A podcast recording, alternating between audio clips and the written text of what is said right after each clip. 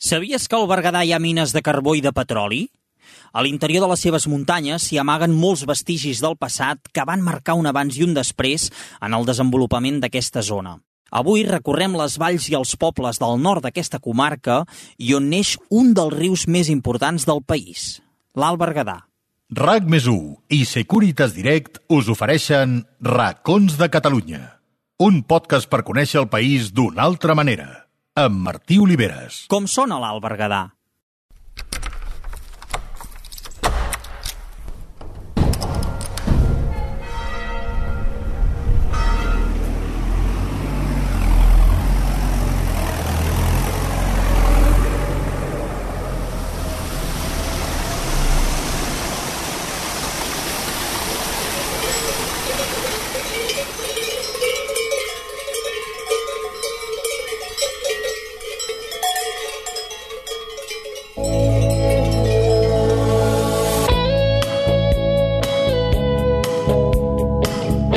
L'Alt Berguedà és la zona nord d'aquesta comarca, del Berguedà, i la més muntanyosa, d'aquí el nom d'Alt, perquè forma ja part del Prepirineu.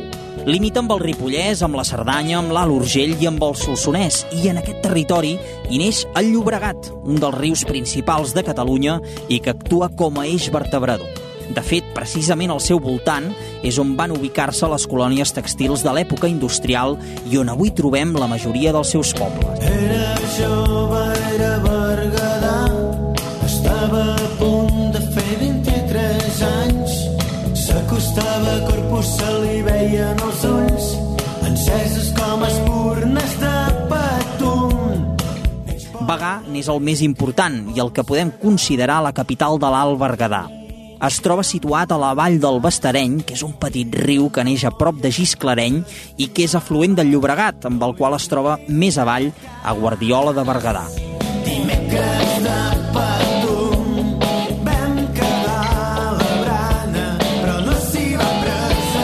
L'Alt Berguedà és un territori carregat d'història amb un patrimoni natural i cultural molt rellevant. Hi ha muntanyes emblemàtiques, com el Pedraforca o la Gallina Pelada, i cingleres espectaculars que són la delícia dels escaladors. Però ei, si no sou escaladors, si no us aventureu a pujar aquestes muntanyes que explicàvem, si sou més, vaja, de passejar tranquils, que no, que no patiu, que podeu estar tranquils, que no us ho acabareu tampoc. Podeu visitar les moltes esglésies romàniques que hi ha, repartides per la zona, o bé també entrar a les mines de carbó, pujar al tren del ciment, en fi, moltíssimes coses. Va, doncs m'acompanyeu en aquesta escapada a l'Alt Berguedà? Som-hi!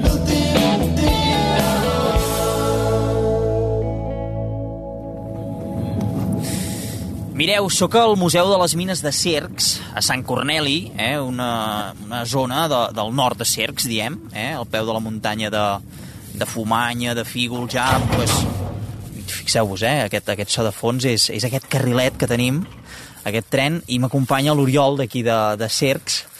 Oriol, eh, és una experiència una mica sorprenent, no? Allò, tornar enrere amb aquest so que transporta el que havia estat aquesta part de, de l'Alt Berguedà. Sí, de fet, aquest és un so representatiu que molta gent ve, ve, ve a buscar al Museu de les Mines de Cercs, no? perquè ve a buscar aquest, a veure com era la feina dels miners aquí fa doncs, aquests últims 140 anys, i quan entra la mina, amb aquest sol del tren, amb el casc, amb les llums que, que van entrant cap a dins, doncs clar, molta gent ve a buscar això, a, ve, a veure com és, que se sent a l'entrar doncs, en una mina de 100 gairebé anys d'història, 140 anys d'història. 140. Per tant, ens situem al 1900 Bueno, i 1800 i pico. Sí, a mitjans del segle XIX, cap al 1860, que és quan aquesta mina de Sant Romà, que és la que els visitants visiten, doncs va obrir-se, no? i va estar gairebé 100 anys en actiu. En, en aquell cas, la gent del Berguedà el que feia era dedicar-se a, a, a l'extracció de, del carbó de, de totes aquestes muntanyes, no? Una mica hi havia molta, Sí, hi molta havia- tirada. Hi havia molta explotació i molta, això que dius tu, molta tirada al voltant d'aquestes mines. Hi havia diverses explotacions, vam haver-hi fins una trentena, i totes elles al voltant d'aquest carbó del lignit, que era el carbó que es trobava en aquesta zona, d'acord? Vull dir, són van ser mines que van tenir doncs, aquest recorregut de 140 anys i que fins i tot van obrir explotacions que potser la gent no coneix, a cel obert també, vull dir, a part de galeries, de túnels, no? més conegudes, també tenim les explotacions a cel obert com aquí a la Fumanya, per exemple. Això és un altre tipus de mina que molta gent desconeix, no? i que aquí al territori doncs, poden visitar i veure com era una mina a cel obert, al final una muntanya que van fer explotar, que van rascar, diguéssim, literalment el carbó de la pedra, i se'l van emportar tot doncs, per cremar-lo, etc.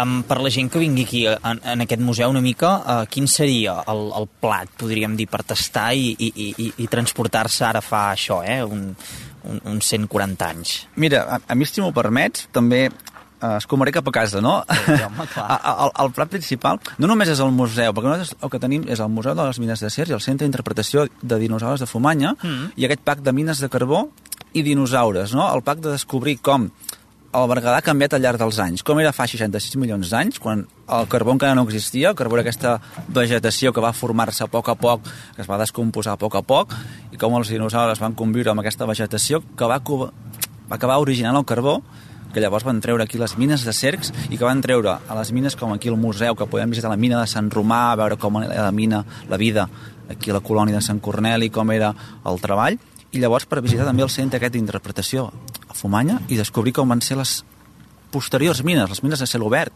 no? i descobrir també doncs, que les mines de cel obert van portar-nos a l'origen de tot, a l'origen del carbó, no? amb els dinosaures. Vull dir, aquest seria, crec jo, el, el plat principal o l'oferta que els hi podem oferir, o tot el pack, I, no sé. I, I amb la vostra experiència, quan veieu tota aquesta canalla que puja aquí, no? a, a, a l'Alt Berguedà, a conèixer aquesta, aquesta història del passat, que podrien ser els seus besavis, pràcticament, um, què és el que diries que crida més l'atenció i que els hi agrada més? Home, aquí els nens els, els, els impacta molt potser la visita a la mina, no? entrar a la mina, perquè per ells entrar en una mina doncs, potser no ho han fet mai, Clar. i si els seus avis potser han sentit alguna història o alguna cosa, doncs els, els hi crida molt la curiositat, però també a les sales del museu hi trobaran, hi trobaran coses que també no s'acaben d'esperar, perquè molts el carbó encara mm. se'ls ha d'explicar què és, d'on surt, no? Eh, per què servia, perquè saben que es, que es cremava, però no per què, no? És una miqueta, clar, també cada grup escolar vas trobant-li el seu, el seu què. Clar. I ara hem entrat en un espai d'aquí d'aquesta colònia de Sant Corneli i estic amb l'Alba, també d'aquí del Museu de les Mines de Cercs. Alba, explica'ns què és això, perquè potser la gent identifica un so diferent, eh? Tenim una sonoritat que ja ha canviat respecte a fora. Mira, som al Cineteatre, un espai de memòria que, per sort, encara és ben viu. Aquí, l'any 32, va ser durant unes hores presó d'aquests homes que es van emportar degut a, la revolució que hi va haver dels fets de Fígols, la revolta anarquista que es va produir aquí, doncs van agafar tots aquests homes, els van emmanillar i se'ls van emportar cap a Barcelona amb camió. Revolta per què? Què havien fet? Mira, ells van proclamar el comunisme llibertari i els hi va durar ben poc. Eh? Les- Eren homes d'aquí, d'aquesta colònia que treballaven a les mines. Sí, sí, van començar les dones a la colònia Carme, van decidir fer vaga i els seus companys i marits doncs s'hi van afegir a la vaga. Llavors, eh, Azanya, el president de la República, no va permetre i els hi va enviar l'exèrcit i la Guàrdia Civil. Molts s'havien amagat a aquestes muntanyes, però van passar casa per casa i el que van trobar doncs, se'ls van emportar manillats, se'ls van portar cap a Barcelona, on la presó model estava ben plena i els van posar en un vaixell que feia de presó, que era el Buenos Aires, i d'allà els van deportar. I escolta'm, Alba, estem molt a prop d'aquells 39, que és la Guerra Civil, um, perquè estem a, a 7 anys, no?, des del 32 al 39, pocs anys després esclatava aquesta Guerra Civil. No sé, en aquestes muntanyes de l'Alt Berguedà, uh, com la van viure aquestes treballadores i aquests treballadors d'aquí de cercs, de les mines? Mira, la Guerra Civil, la mina, també els va servir com a refugi. Ah, Eh? Això anava a dir. Refugi de quan venien a bombardejar per aquí, doncs la gent de la colònia van estar dos, tres dies tancats en aquesta mina Sant Romà, que nosaltres diàriament hi fem aquesta visita guiada, aquesta mina de carbó. Déu-n'hi-do, déu nhi eh? Res, animau-vos a, que, a que pugeu, eh? Si no coneixeu aquest espai, aquestes mines són fantàstiques i tenim l'Oriol i l'Alba, per exemple, que ens hi poden doncs, acompanyar i us ho explicaran de meravella. Que, que vagi molt bé, anem passejant per aquí. Moltes gràcies. Gràcies.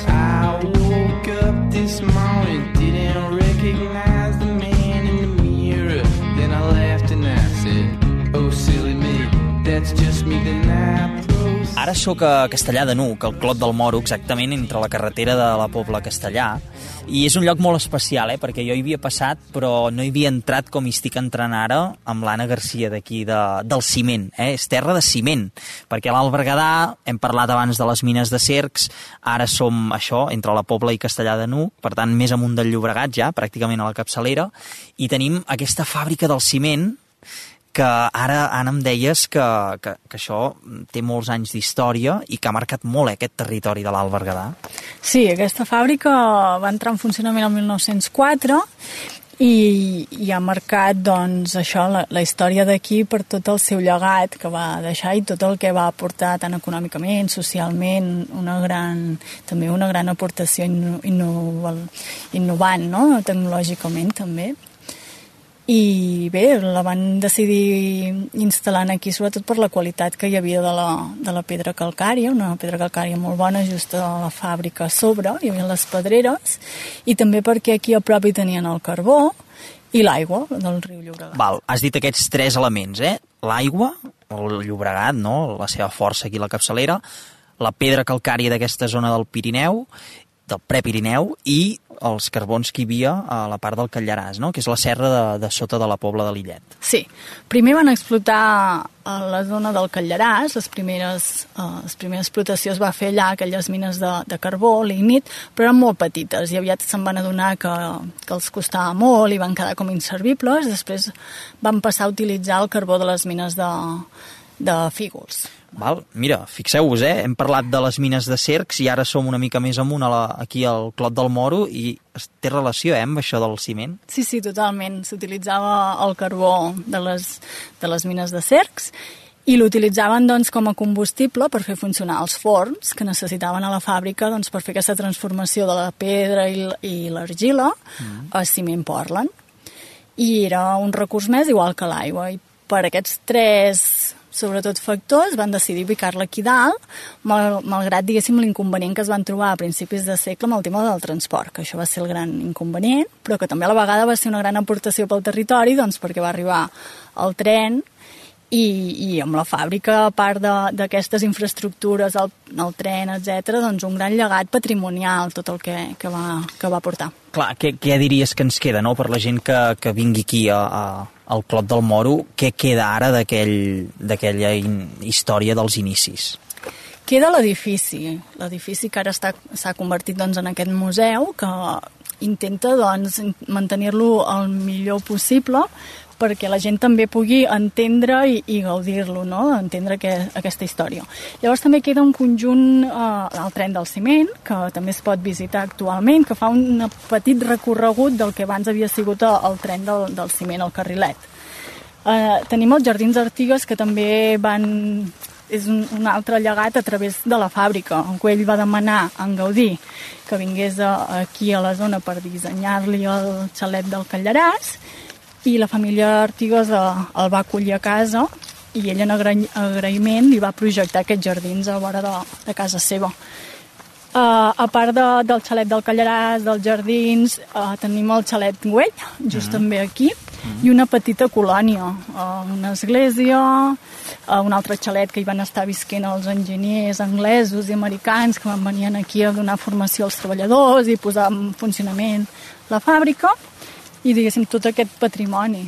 O sigui, una cosa va portar l'altra, eh? L'arribada dels americans, no?, per aquest avenç que tenien respecte a la gent d'aquestes terres, l'escola, tota la colònia... Vaja, que un, un pot arribar aquí i diu, mira, parlem només del ciment, no?, i del que, del que és aprofitar la terra, però en realitat, clar, s'obre un ventall de possibilitats, de, de dinàmiques socials, fins i tot, no?, que han acabat marcant uh, a, tota, a tota aquesta gent. Sí, sí, el fet d'arribar, diguéssim, a Aslan, aquí a, a Castellà de Nuc i a la Pobla, doncs va significar un gran creixement també per, per, Clar, pel territori. Pel territori, no? per aquests pobles. Mm. Uh, una gran riquesa, perquè Aslan doncs, aportava coneixement també. La gent es va començar a dedicar a la indústria i molts familiars posteriorment també s'hi anaven dedicant. Llavors era gent rural que de cop doncs, rebia també aquesta formació més tècnica industrial. Uh -huh. També va créixer molt, doncs, a, a part de la població, a nivell econòmic. A, a la Pobla hi havia cinc escoles, a Castellà doncs, les senyores baixaven a, a peu a treballar aquí, vull dir que hi va haver una gran aportació de, de l'Aslan cap, a, cap al territori totalment, i això va canviar també la fisonomia, eh? ja no només física o de l'entorn, sinó també diguéssim, més social. Doncs res, ja ho sabeu, eh? Aquest Clot del Moro farcit d'història eh? i de, de patrimoni que podeu venir a descobrir, a endinsar-vos-hi en aquest alt Berguedà que, que ens ofereix, doncs això, veure com està ara eh, i tot el que, el que havia estat abans. Res, Anna, continuem passejant per aquest lloc tan, tan, tan especial. Fins ara, que vagi bé. Gràcies. I'm lucky to call you mine. I don't forget.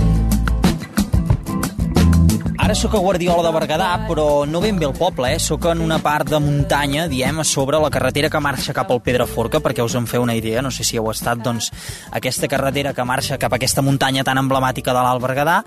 Aquí estic, a Cal Genola m'han dit, i he quedat aquí amb, amb una parella de joves d'aquesta zona per conèixer el projecte de- d'hort ecològic que, que fan. A veure, a veure si els veig, perquè és dia de, de feina aquí. Oi, Dols? Què tal? Com va això? Mira, aquest també em dóna la benvinguda, eh? Tenim un border collie aquí amb mi que m'està saltant. Què tal? Com va això? Molt bé, i tu? Bé? He entrat aquí, aquí a l'hort ecològic directe, eh? Directe, He vist això, quin, quin lloc, eh? És Ferran. Un... Ferran, sí, sí, sí, sí. És un lloc privilegiat, realment, sí, sí, sí. En Ferran i la Carla. Què tal? Um, Escolteu-me, això, clar, treballar no, uh, en aquest projecte que potser és poc habitual en, en jovent, no? impulsar amb tot aquest entorn més natural doncs, un, un hort ecològic. Sí, realment és un projecte molt embrionari, que vam començar l'any passat, vull dir, som, som molt petits i molt humils, diguéssim, uh, però sí que amb moltes ganes, no?, perquè considerem que això, fer un projecte d'horta en un espai de muntanya, que és prou complicat, uh, però que agafem amb moltes ganes i molta responsabilitat, no?, perquè creiem que en aquests espais doncs, s'han de produir aliments i s'han de produir pels veïns i veïnes dels pobles, i per tant una mica l'objectiu és aquest, no?, i, i tenim ganes doncs, de seguir amb aquest projecte, seguir creixent i, i, i complint una mica les expectatives que tenim amb, amb tot això. um, un producte de proximitat en aquí a l'Alt Berguedà, no? I, I que el que feu és acostar a la gent de, de casa de, del voltant de, de Guardiola. Sí, al final el que pensem és que la gent del Berguedà també menja verdura i llavors és el que intentem fer. Eh, produïm verdura i hortalisses per persones del Berguedà, no distribuïm més enllà de, del Berguedà i al final és l'objectiu, no? Som petits amb vocació de petits. Quin, quin producte em diries, Carla, que és el, el, el vostre producte estrella, no? El que feu allò a diari gairebé. Doncs mira, és curiós, nosaltres fem horta de temporada i per tant eh, cada temporada tenim eh, producte variat. El que ens sorprèn una mica és que a la gent li agrada molt el producte de fulla, els enciams, les bledes, no? Ens, um, productes que tu diries que potser no hi notes tant la diferència, no? com amb els tomàquets la gent en diu oh, quin tomàquet de l'hort, sembla boníssim, no? Mm -hmm. Doncs amb el, el, el que és la fulla, eh, bledes, enciams, espinacs, això la gent ho nota molt. Sí. I d'aquí de l'Alt Berguedà, tu, Ferran, quin, quin seria poder el, el producte que sempre has vist a, a casa i que després tu entenc que has intentat no? Con- continuar aquí? Uh, mira, un producte que és típic d'aquí a l'Alt Berguedà, precisament, doncs és el pèsol negre. Pèsol negre? Pèsol negre. Hosti, no havia sentit mai. Pèsol negre boníssim i super recomanable. Um, de fet, per això nosaltres... És, és ben bé com un pèsol, perquè És ens en fem una idea, eh? Sí, com un pèsol de color negre. Exacte, sí, sí, sí, és un pèsol negre. La característica és una mica diferent, no? És una lleguminosa així més gran que un pèsol, mm. és més farinosa, més semblant potser a una, a una mongeta, no? De, de textura, potser. Mm, la textura canvia una mica, és veritat. I es fa um, tradicionalment, especialment a la zona del Gòsol. Val. Uh, nosaltres no n'hem provat encara de fer i, i en tenim ganes, però no, no de fer-ho de manera productiva, diguéssim, de, de, de consumir-ho, sinó per, més aviat per nosaltres, eh?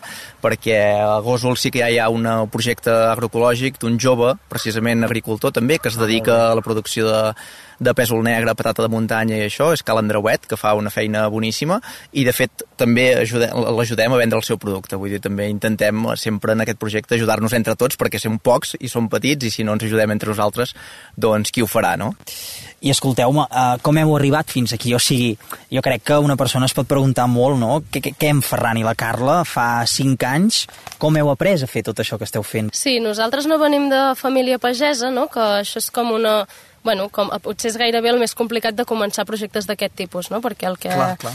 Uh, no tenim terres pròpies no? I, i, i no tenim com la sabidoria de la família al darrere. No? Ell és amb- ambientòleg de formació i potser una mica més vinculat, jo sóc antropòloga, poc vinculat amb tot plegat, sí que trobem, no, ens trobem i, i tenim inquietud per això. No? Llavors, d'horta d'autoconsum sí que n'havíem fet i llavors en, en, anem, en apreníem temporada a temporada, ara llegint aquí, ara llegint allà, no?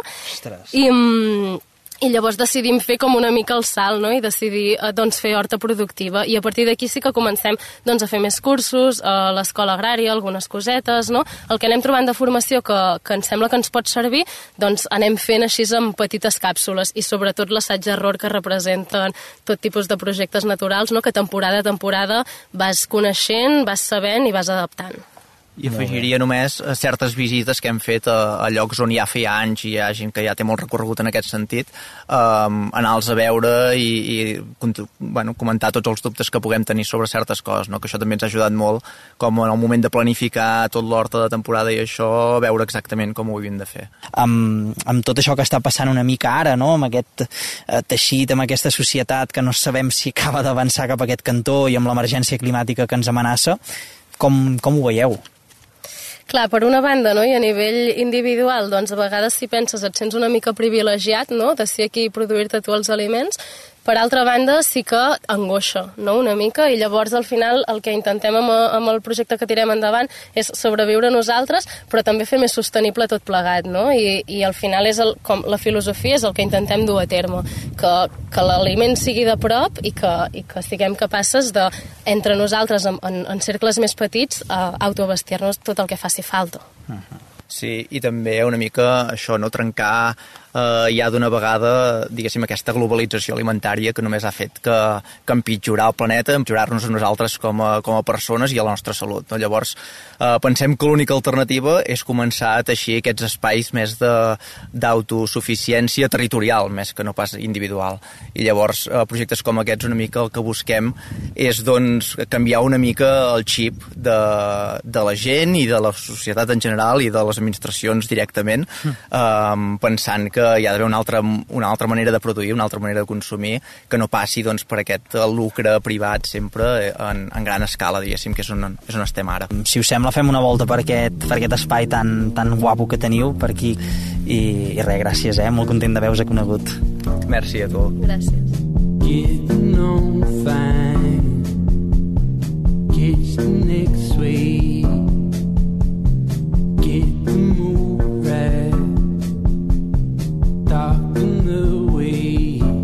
Abans de continuar, deixeu-me que us recordi que ja tenim aquí a la Sònia i ens donarà alguns consells i recomanacions de Securitas Direct per protegir tot allò que val la pena de casa nostra. Sònia, endavant. Com esteu? Avui us explicaré com funciona l'alarma de Securitas Direct perquè estigueu tranquils quan viatgeu a alguns d'aquests indrets tan bonics que ens recomana en Martí, ja que a casa vostra i sobretot les vostres pertinences estaran ben protegides.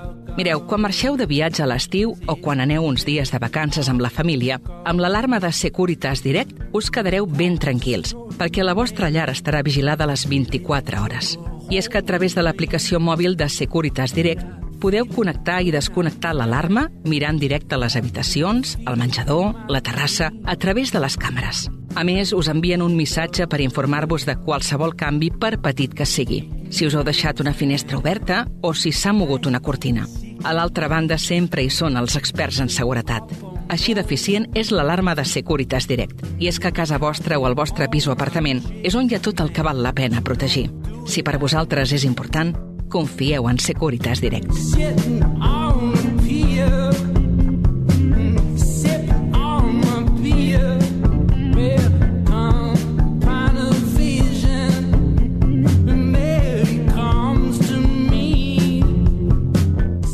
Mireu, i ara sóc a Bagà, aquí a, a, al barri de Terradelles, eh, tècnicament, a tocar de, de Guardiola, tot i que el municipi és de Bagà, i sóc aquí en un carrer, i hi ha una formatgeria, i provarem sort a veure si, si està oberta, eh, si, em poden, si em poden obrir. Formatgeria artesanal Tiraval, aquí entre Guardiola i Bagà. Anem a provar, va. Hola, Hola, bones. què tal? Bona tarda. Bé. Puc passar? Sí. Ostres, merci. Bravo. Aquí directe, ostres, he entrat directe a l'obrador, tu. Sí. Eh? sí. Una casa des de fora? Sí, bueno, això són els vasos, era un local i que antigament hi havia una fusteria i ara això es va reconvertir Val. en, en un obrador de formatgeria. Perdona, que no he dit el nom. Com no, et dius? Carles, Carles. Carles, jo sóc en Martí. molt de Molt bé. Carles, de- d'aquí dels formatges Tiraval, d'aquí de, de l'Alt Berguedà, no? Sí. I t'he enganxat, eh, entenc que deus estar una mica liat, eh? Pues de, ben bé de reparto i a punt de marxar perquè la... Doncs no t'emprenyaré- no t'emprenyaré gaire. més curta i... Clar, i tens... I sí, sí, i aquest cap de setmana, a més a més, demà a la tarda comencem la Fira de la Seu d'Urgell, que són tres dies. divendres, La de Sant Armengol. Sant Armengol, sí, sí. I aquesta setmana Cap allà. ha sigut, ha sigut molt, molt apretadet tot. Doncs res, et deixaré que, que treballis. Uh, no sé, el teu dia a dia... El com, meu dia a dia, molt treballar i molt... doncs mira, eh, comencem la setmana anant a buscar la llet, eh, elaborant formatges eh, i preparant A comandes. partir de, de cabra, d'ovella, en aquest Nosaltres cas, treballem cabra, ovella i vaca. Vaca...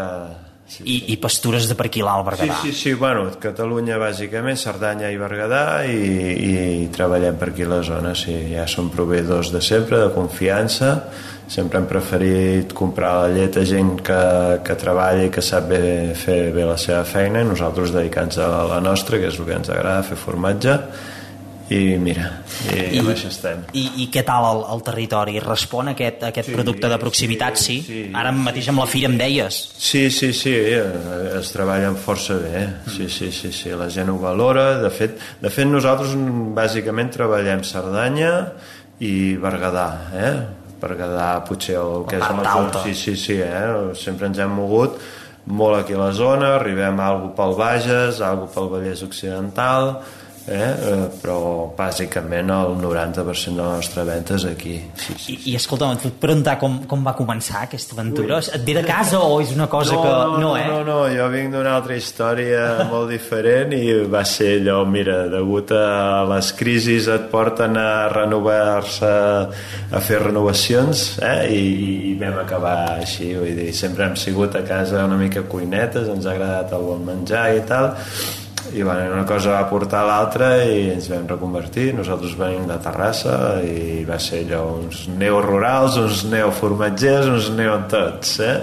vam portar la família cap aquí i, i andant I aquí esteu andant sí, sí, Molt bé, Carles, tu, doncs et deixo que teniu feina amb aquesta fira sí, que s'acosta i, i entenc que moltes. Vull dir que, mira, la gent que si mai passa per aquí ja, ja ho saben, eh? Formatges Tiraval, sí, sí, sí, no, producte de la terra, tu. Aquí passa força gent, vull dir, és, el turisme és una comarca que turísticament és, és potent, vull dir, i mira, hi treballem força. Molt bé, doncs res, et deixo aquí en aquest obrador, eh? Uh, que acabis de... L'entrada, l'obrador, és allà i... Molt bé. Doncs res, content, content d'haver-vos d'haver conegut, eh? Gràcies igualment. Que vagi molt bé. Apa, adéu, adéu. Some say love is a burning thing that it makes the fire ring. En aquest 24è capítol hem passejat per l'Alt Berguedà, un territori de pas a mig camí entre la Catalunya central i el Pirineu. Un lloc ideal per conèixer com era la indústria a l'època dels nostres avis, besavis, rebesavis fins i tot.